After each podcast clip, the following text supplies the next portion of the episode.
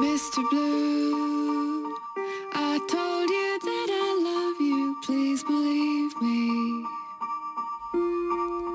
Ser muller é unha movida. Isto queda claro en calquera das miñas seccións de Morra o Conto.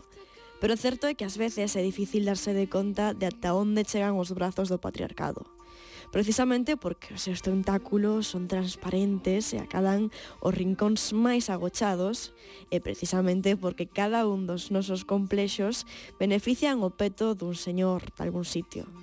E o curioso é que unha vez que empezamos a querer rachar co que nos mandan e buscamos aceptalo no noso corpo, é posible que caigamos nunha trampa que resulta casi inevitable que é entrar no male gaze ou aceptarnos a nos mesmas a través da aprobación masculina. Moitas crecen sexualizando os seus corpos, especialmente nas redes sociais e mesmo sendo menores de idade, para resultar desexables ou para presentarse como un produto de consumo atractivo e un reflexo que non nos faga chorar. É curioso, sobre todo agora, que vivimos nun momento de transformación e de flexibilidade do que normalmente vai asociado ao xénero, como certas conductas e certa estética continúa indo da man de conceptos como a feminidade. Estuve hablando de todo esto con una amiga y le comenté que en el fondo me sentía como si me hubiera pasado toda la vida intentando conquistar la feminidad.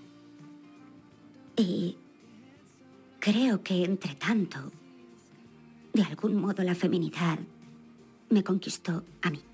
Non sei se vos sona esta voz, pero é a de Jules nun capítulo especial de Euforia, non?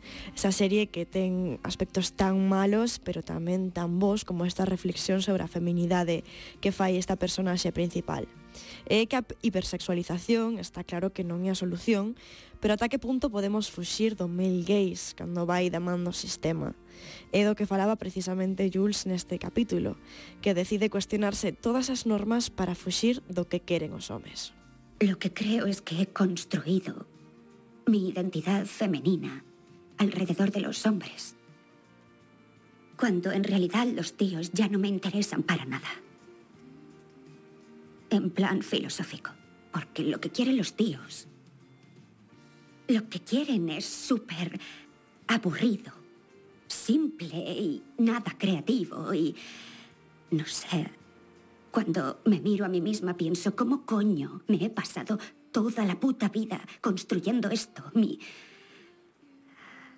Mi cuerpo y mi personalidad y hasta mi alma en función de lo que creía que deseaban los tíos. E se falamos do male gaze e de aceptarnos a nos mesmas a través de querer resultar atractivas en todo momento, temos que especificar que a beleza debería ser subjetiva.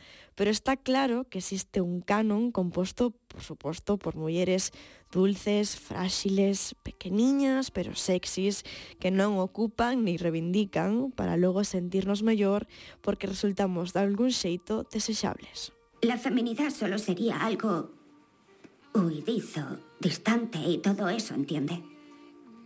Algo inalcanzable. Pero luego, cuando me pongo a pensar en cosas bonitas que también son amplias y profundas y todo eso, lo que imagino son lugares como el mar. Y pienso que me gustaría ser tan bonita como el mar. Porque es la hostia de fuerte y de femenino y esas dos cosas hacen que el mar sea lo que es. é que as mulleres deberíamos ser tamén fortes e femininas, que unha cousa non quita a outra.